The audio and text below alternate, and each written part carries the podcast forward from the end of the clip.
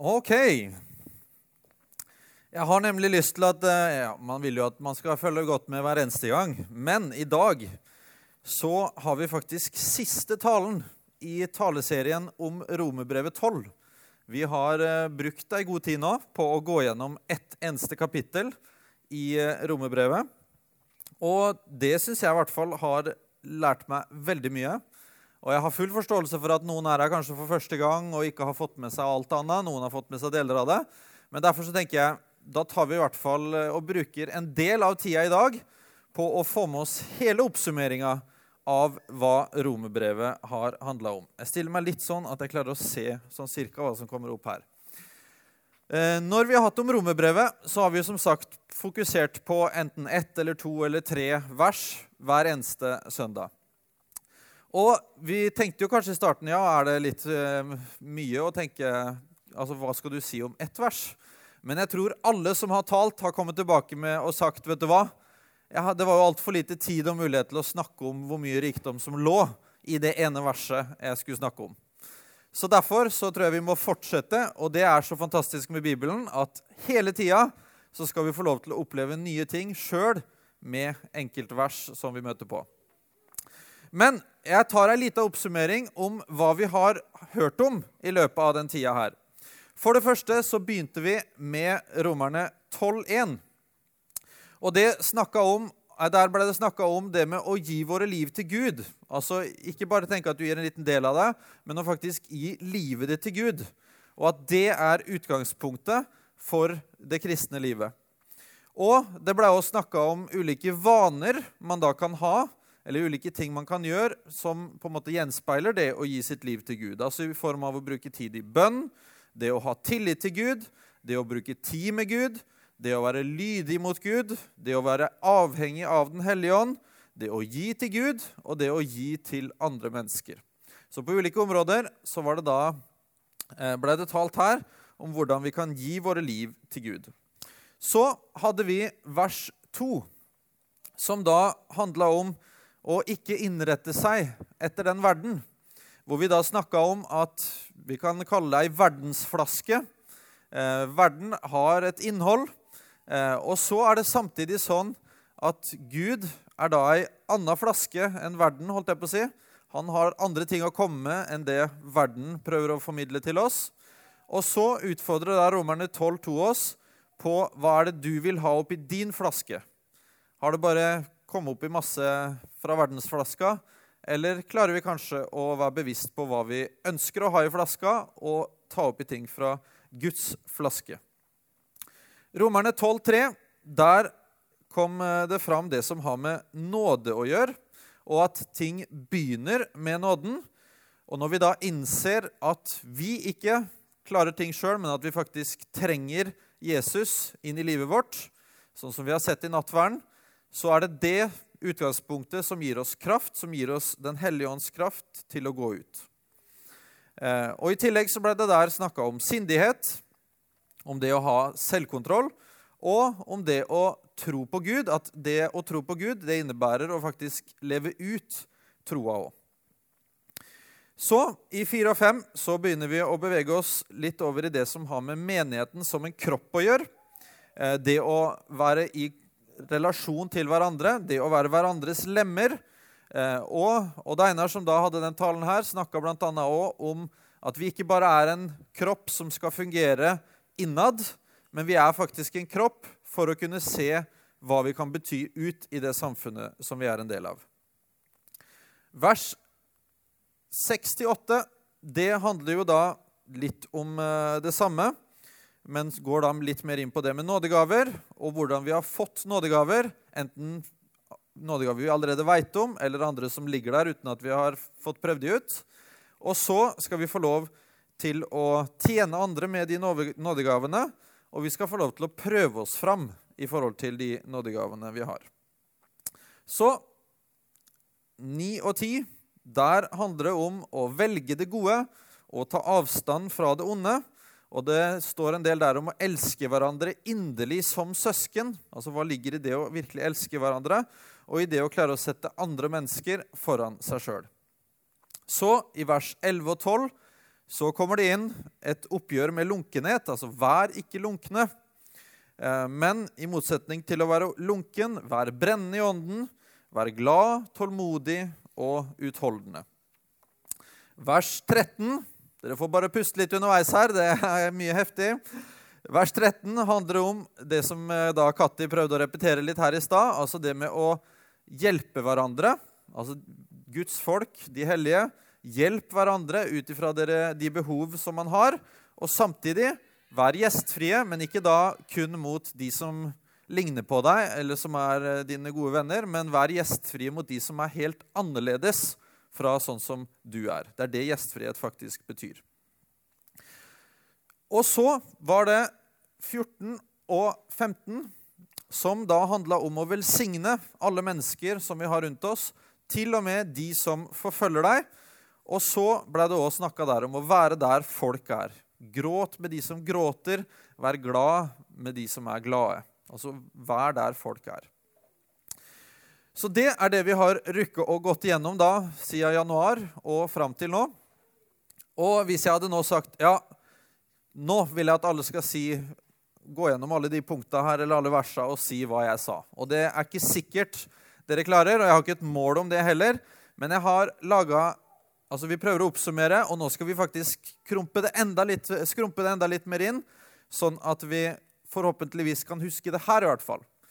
Fordi Romerne 12 det handler jo da om det kristne livet. Altså Det er en slags oppsummering av hva det betyr det å være en kristen, det å være en som følger Jesus. Og ut ifra de versa som vi har hatt om her nå, så tror jeg vi kan dele inn i fire ulike områder som vi kan da si at det kristne livet handler om. For det første så handler det jo da om å leve i Gud. Altså Vi ser de første versa i Romerne 12 begynner veldig klart og tydelig med det her med å bære deres kropp fram som en åndelig gudstjeneste. Innrett dere ikke etter verden, men etter det som er fra Gud. Altså Det handler i veldig stor grad der om å begynne med å ta et valg om å leve i Gud. Det er det de første versa handler om. Så handler det òg om å leve i nåden. At det å leve i Gud er ikke snakk om en sånn ja, nå må du være så flink som mulig, sånn at Gud godtar deg. Men her handler det rett og slett om å leve i nåden. Og når du innser at du ikke fikser livet sjøl, men at du trenger Jesus til å fikse livet ditt, det er da han virkelig kan begynne å jobbe med sin kraft i deg, sånn som det står om i vers 3 f.eks. Så kommer det en ganske stor bolk som da handler om det med å leve i fellesskap. Som da sier deg litt om ja, hvordan finner du ut litt mer av hvem du er, hvordan skal du forholde deg til de menneskene som du har rundt deg, og hvordan skal vi klare å fungere både sammen, men òg ut fra menigheten. Og så til slutt leve med alle. Og her er det veldig klart og tydelig at det faktisk handler om alle. At det ikke bare er dine beste kompiser eller de som er en del av menigheten, eller de som er familien din. Men her utfordres man veldig klart og tydelig på hvordan skal vi leve med alle, og ikke da bare holde oss på avstand og snakke stygt om de vi ikke kjenner, men rett og slett leve og til og med elske alle mennesker. Så her har dere da forhåpentligvis en oppsummering som dere kan klare å huske fra Romerne 12. Altså leve, den, Romerne 12 handler jo da om å leve i Gud, leve i nåden, leve i fellesskap og leve med alle mennesker. Og det er en oppsummering som jeg tenker sier oss enda litt mer om eh, Romerne 12 og hva vi møter på der. Og så har vi jo likevel et par vers igjen, og de versa de beveger seg jo da innafor det som har med leve med alle mennesker. Fordi det er ganske mye i Romerne 12 som er via plass til å snakke om det med å leve med alle mennesker. Hvis vi ser menigheter nå til dags, så tror jeg man fort kanskje ville ha mest eh, vers på både den, den og den. Og så tror jeg at i vår praksis og i måte å være menigheter på rundt omkring, så er det veldig lett å bruke mest tid på de her. Men Romerne 12 bruker over halvparten av plassen på å snakke om hvordan vi skal leve med alle de andre menneskene som vi ikke kjenner, eller som ikke ligner på oss, eller som ikke er en del av menigheten man f.eks. går i.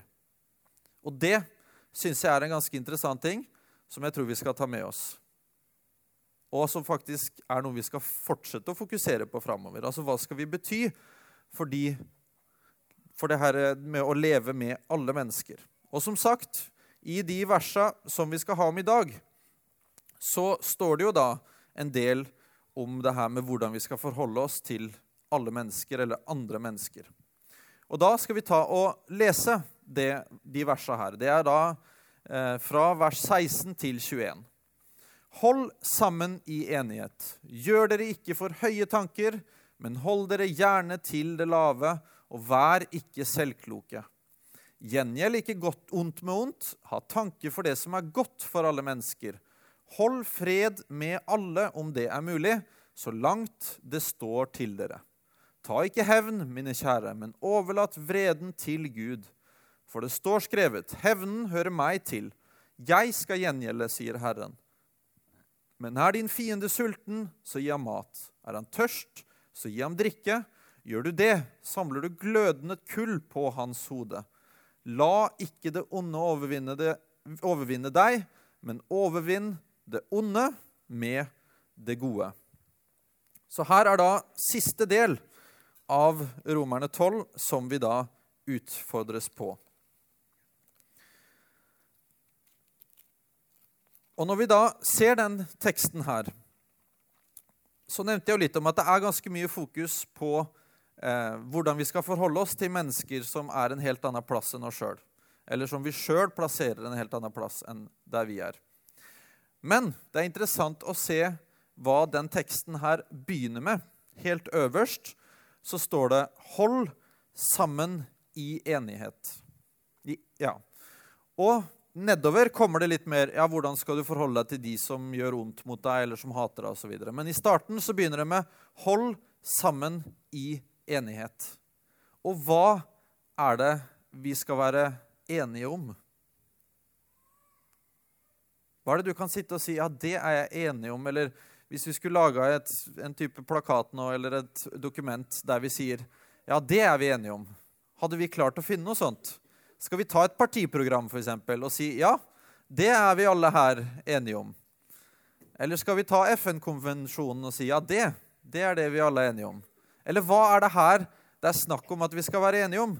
Hva er det som kan samle oss på en sånn måte at vi faktisk kan si at vi er en enhet? Vet dere svaret? Som jeg tror definitivt det refereres til her. Det er Guds ord. Guds ord er det som gir oss enighet.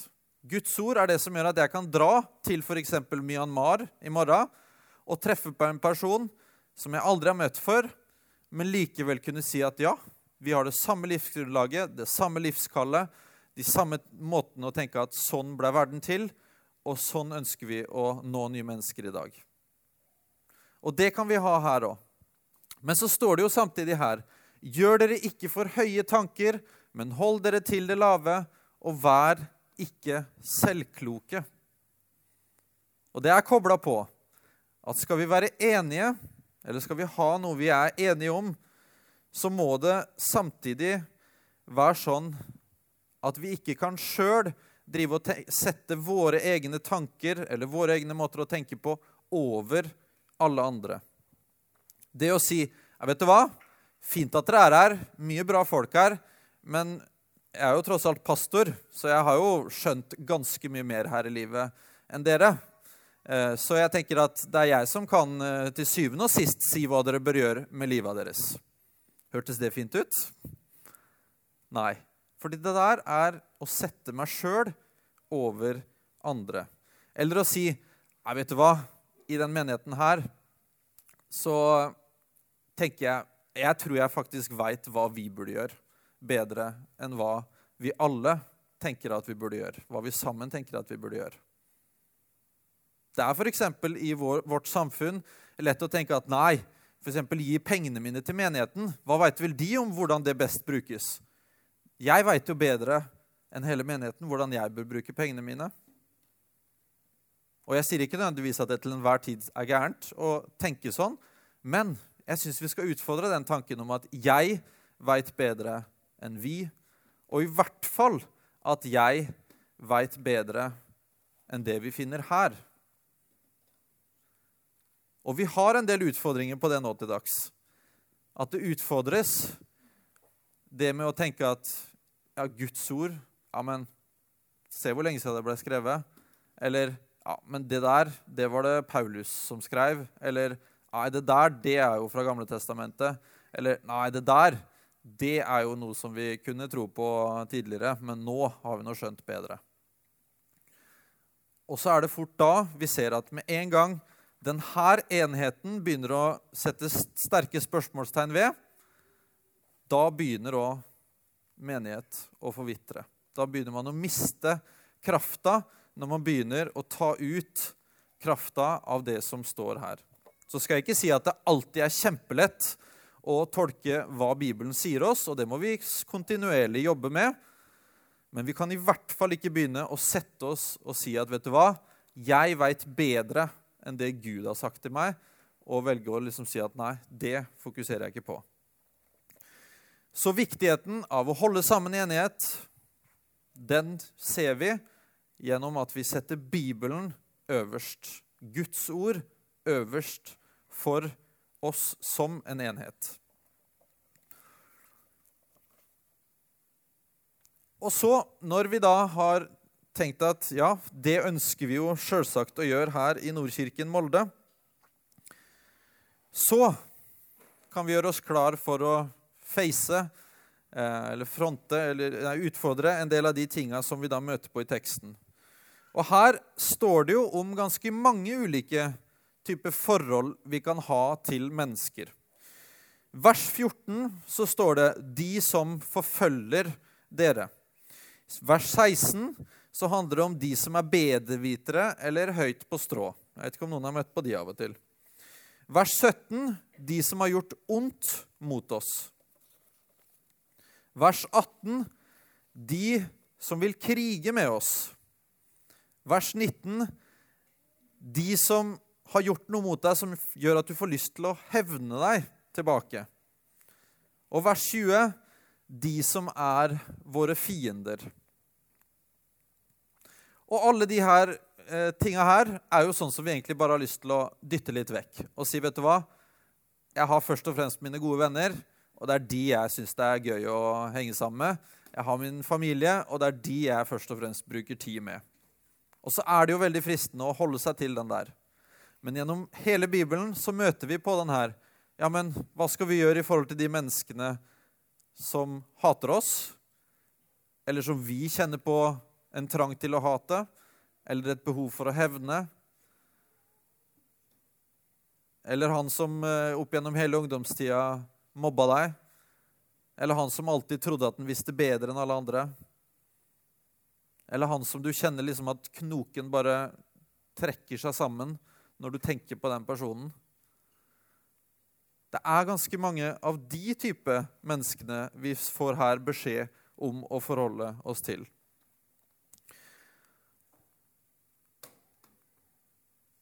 Og når vi da skal se på det her, så er det som sagt enhet, viktigheten av enhet, Guds ord. Vi utfordres her klart og tydelig på hvilket forhold skal du ha til de menneskene som du enten kjenner at du har et hat mot, eller at du kjenner at du har lyst til å hevne deg. Fordi vi må faktisk erkjenne at det er noe som ligger i oss. Alle her har en type aggresjon eller irritasjon eller ting som bygger seg opp når noen gjør noe som ikke er bra mot deg. Og vi må erkjenne at sånn er vi mennesker.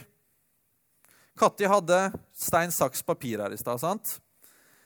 Og da var det noen som vant, og det var noen som tapte. Og det er klart, Av og til så er det sånn at du opplever gode ting. F.eks. at du vant.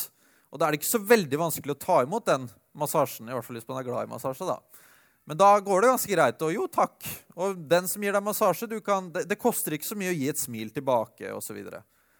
Men når du har tapt, når du opplever at du har tapt, eller noen prøver å få deg til å tape, Da er det noe helt annet hvordan du skal prøve å forholde deg til det. Og jeg bruker å si det. Vi må ikke tro i vårt samfunn at vi har et monopol på å gjøre gode ting. Jeg ser hele veien mennesker i vårt samfunn som gjør gode ting. Og jeg tror faktisk at jeg ganske mange ganger kan si at jeg har sett mange mennesker som aldri har vært i ei menighet, som gjør kjempemange gode ting. Jeg tenker Når jeg tar meg en tur opp på Skaret, så er det en eller annen kar som står opp kjempetidlig på morgenen og preparerer de løypene der. Ikke fordi han har tenkt å gå der sjøl, fordi en del av de er for gamle til det, men bare fordi han har lyst til å gi godhet til andre mennesker. Og Det er ikke sikkert han er en del av ei menighet, men tenk hvor mye tid denne personen investerer i at jeg skal få lov til å gå en skitur rundt omkring på Skaret. Vi har på ingen måte i det samfunnet her monopol på å gjøre det gode. Og noen ganger så tror jeg vi faktisk trenger å sette oss ned og tenke at vet du hva? Faktisk så er det en del andre mennesker som gjør enda mer godhet enn det vi har klart å mobilisere til eller få oss til å gjøre. Men den store forskjellen i hvordan vi forholder oss til andre mennesker, handler, tror jeg, veldig mye om de versa her. Én ting er å gjøre godt mot noen som har gjort deg, godt. Men hva med å gjøre godt mot han som har gjort deg ondt? Og der er det ikke noe som ligger i mennesker og gjør automatisk eller naturlig svare med det gode når noen har gjort noe ondt mot deg. Og det er det det kristne livet, noe av essensen i det kristne livet faktisk handler om, og noe av essensen i det vi er kalt til, handler om. Om at i forholdet til andre mennesker så blir vi ikke styrt av hat og hevn, men at vi faktisk styres av hva vi har lyst til å gjøre mot dem, og la det gode overvinne det onde. Første Tessalonikerbrev 5, 15 så står det La ingen gjengjelde ondt med ondt, men strev alltid etter å være gode mot hverandre, ja, mot alle. Så det er ikke bare Romerne 12 som sier det her. Vi ser det òg igjen andre steder i Bibelen. Og Nå har jeg lyst til at dere skal se et lite eksempel på det her. På en kristen person, ei dame som heter Corrie Ten Boom. Ei nederlandsk dame som under krigen, eh, sammen med sin familie, så begynte de å gjemme vekk jøder og motstandsfolk som var ettersøkt. Og De gjorde det her ei god stund i løpet av krigen, men så til slutt så blei de tatt for det. Og Da blei Corrie og søstera hennes de ble sendt til en konsentrasjonsleir og i den konsentrasjonsleiren her så opplever de jo alt mulig av grusomme ting. Og søstera dør faktisk i den tida her. Bare ei uke før de faktisk Eller før hun ved en feiltagelse slapp ut, men hvor det viste seg at hun egentlig ikke skulle slippes ut, og hvor alle de andre som var i den konsentrasjonsleiren, døde ikke så lenge etterpå. Så hun er en av de få som faktisk overlevde ved en feil i det at hun faktisk ble sendt ut. Men det her er ei dame som jeg tror har noe viktig å si oss i forhold til det med å gjengjelde ondt med godt. It was some time ago that I was in Berlin. And there came a man to me and said, Ah, Mr. Bohm, I am glad to see you. Don't you know me? And suddenly I saw that man that was one of the most cruel overseers, guards, in the concentra- in concentration camp. And that man said, I have, I'm now a Christian, I have found the Lord Jesus. I read my Bible and I know that there is forgiveness for all the sins of the whole world, also for my sins. I have forgiveness for the cruelties I have done. But then I have asked God grace for an uh, opportunity that I could ask one of my very victims forgiveness. And Fräulein ten Boom, once in me forgiven, will you forgive me? And I could not. I remembered the suffering of my dying sister through him. But when I saw, when I experienced that I could not forgive, suddenly I knew I myself have no forgiveness. Do you know that Jesus has said that? When you do not forgive those who have sinned against you, my heavenly Father will not forgive you your sins. And I, I knew, oh, I'm not ready for Jesus coming because I have no forgiveness for my sins. But I was not able, I could not, I could only hate him. And then I took one of these beautiful texts, one of these boundless resources, Romans 5 5. The love of God is shed abroad into our hearts through the Holy Spirit who is given to us. And I said, Thank you, Jesus, that you have brought into my heart God's love through the Holy Spirit who is given to me. And thank you, Father, that your love is stronger than my hatred and unforgiveness. That same moment, I was free. And I could say, Brother, give me your hand. And I shook hands with him. And it was as if I felt God's love streaming through my arms. You never touch so the ocean of God's love as that you forgive your enemies. You forgive? No. I can't either. But he can.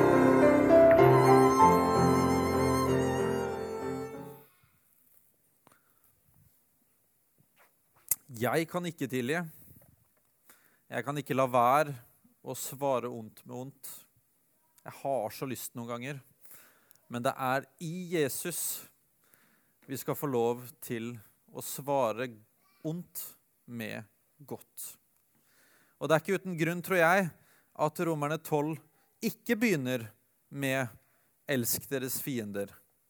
Det begynner med at du skal gi livet ditt til Gud. Det fortsetter med at du skal innse at det er nåde vi trenger i livet vårt. Noen andre enn oss sjøl som prøver å gi det retning. Noen andre enn oss sjøl som gir oss kraften vi trenger. Og så tror jeg ikke det er uten grunn at det kommer det her med å leve i fellesskap, altså hvordan være en kropp, hvordan være en menighet. Og at det er en god grunn til at det er etter det her at vi får opp den her med hvordan skal vi klare å elske de som vi hater, eller de som vi har lyst til å hevne. Så det er en slags kronologi her som jeg tror vi skal huske på, og som jeg tror er ganske avgjørende for at vi skal klare å møte verden og alle de ulike menneskene som vi treffer på, på en sånn måte som det her.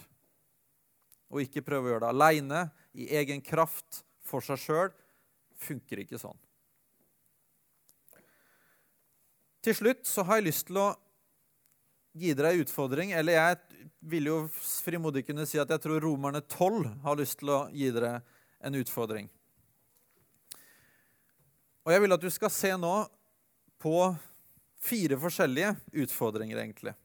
Og så har jeg lyst til at du skal tenke over hvilken av de utfordringene her opplever du nå at du trenger å fokusere på. Vi er ulike mennesker, vi er på forskjellige plasser. Noen veit kanskje hvem Jesus er, noen har kanskje ikke blitt kjent med han ennå. Noen har gått lenge i menighet, noen er kanskje i menighet for første gang. Noen har levd lenge, noen har levd kort, osv. Noen er høyt oppe nå, noen er langt nede. Derfor så tror jeg ulike utfordringer kan treffe på ulike måter. Men tenk nå over de fire utfordringene som jeg gir dere nå, og tenk hvilken av de er det du opplever er til deg. For det første utfordringa om å gi livet ditt til Gud. Det handler rett og slett om at Jesus sier han, 'Jeg er veien, sannheten og livet'. Ingen kommer til Faderen uten ved meg. Første utfordring er du villig til å ta imot Jesus i ditt liv. Og gå inn i et liv med Gud, altså gi livet ditt til Gud. Slippe kontrollen og gi livet ditt til Gud. Utfordring nummer to. Begynne å leve i nåden. Gi opp prosjektet, fikse alt sjøl, og begynne å leve ut prosjektet La Jesus fikse alt, og oppleve hvordan det er det som gir oss kraft og inspirasjon og glede i det livet som vi har fått. Utfordring tre leve i et fellesskap. Ikke tenke at jeg er her for å klare meg sjøl og for å kun forholde meg til meg sjøl, men å tenke jeg har fått noen gaver, og de har jeg fått ikke bare for å tjene masse penger til meg sjøl eller få et fint hus, men de har jeg fått for å tjene andre mennesker, for å være en del av en menighet, for å få lov til å oppleve det at andre bidrar inn i mitt liv, og jeg får lov til å bidra inn i andres liv, og vi får sammen lov til å tilbe Gud. Og siste utfordring elske alle mennesker. Og se hvordan vi kan bety en forskjell inn i det samfunnet som vi er en del av. Tilgi, gjengjelde ondt med godt, nå ut og vise gjestfrihet og vær god mot de menneskene som er veldig forskjellige fra sånn som vi sjøl er. Så her har vi fire utfordringer inn til oss. Som sagt, de oppleves sikkert ganske forskjellig, men jeg har på følelsen av at det er én av de her utfordringene som treffer deg. Og Derfor så har jeg lyst til at dere kan snu dere til en sidemann eller sidekvinne. Og så tar vi og prater litt om det her nå. Dere velger sjøl om dere kun har lyst til å si 'Jeg har den opplever utfordrer meg. Og så kan du stoppe der hvis du kjenner at her er det ikke folk som du har så mye tillit til eller kjenner så godt fra før. Det bestemmer du sjøl. Da kan du snakke om at det er fint vær ute eller annet etterpå. Eller du kan nå fortsette litt praten. Ja, hva er grunnen til at du opplever at det er spesifikt den som utfordrer meg? Men vi bruker tida litt på det nå. Snu dere til noen på sida av dere. Og så er som sagt spørsmålet hvilken av de her utfordringene opplever du at snakker inn i ditt liv? Så da bare prater vi litt om det, og så avslutter jeg med ei bønn etterpå.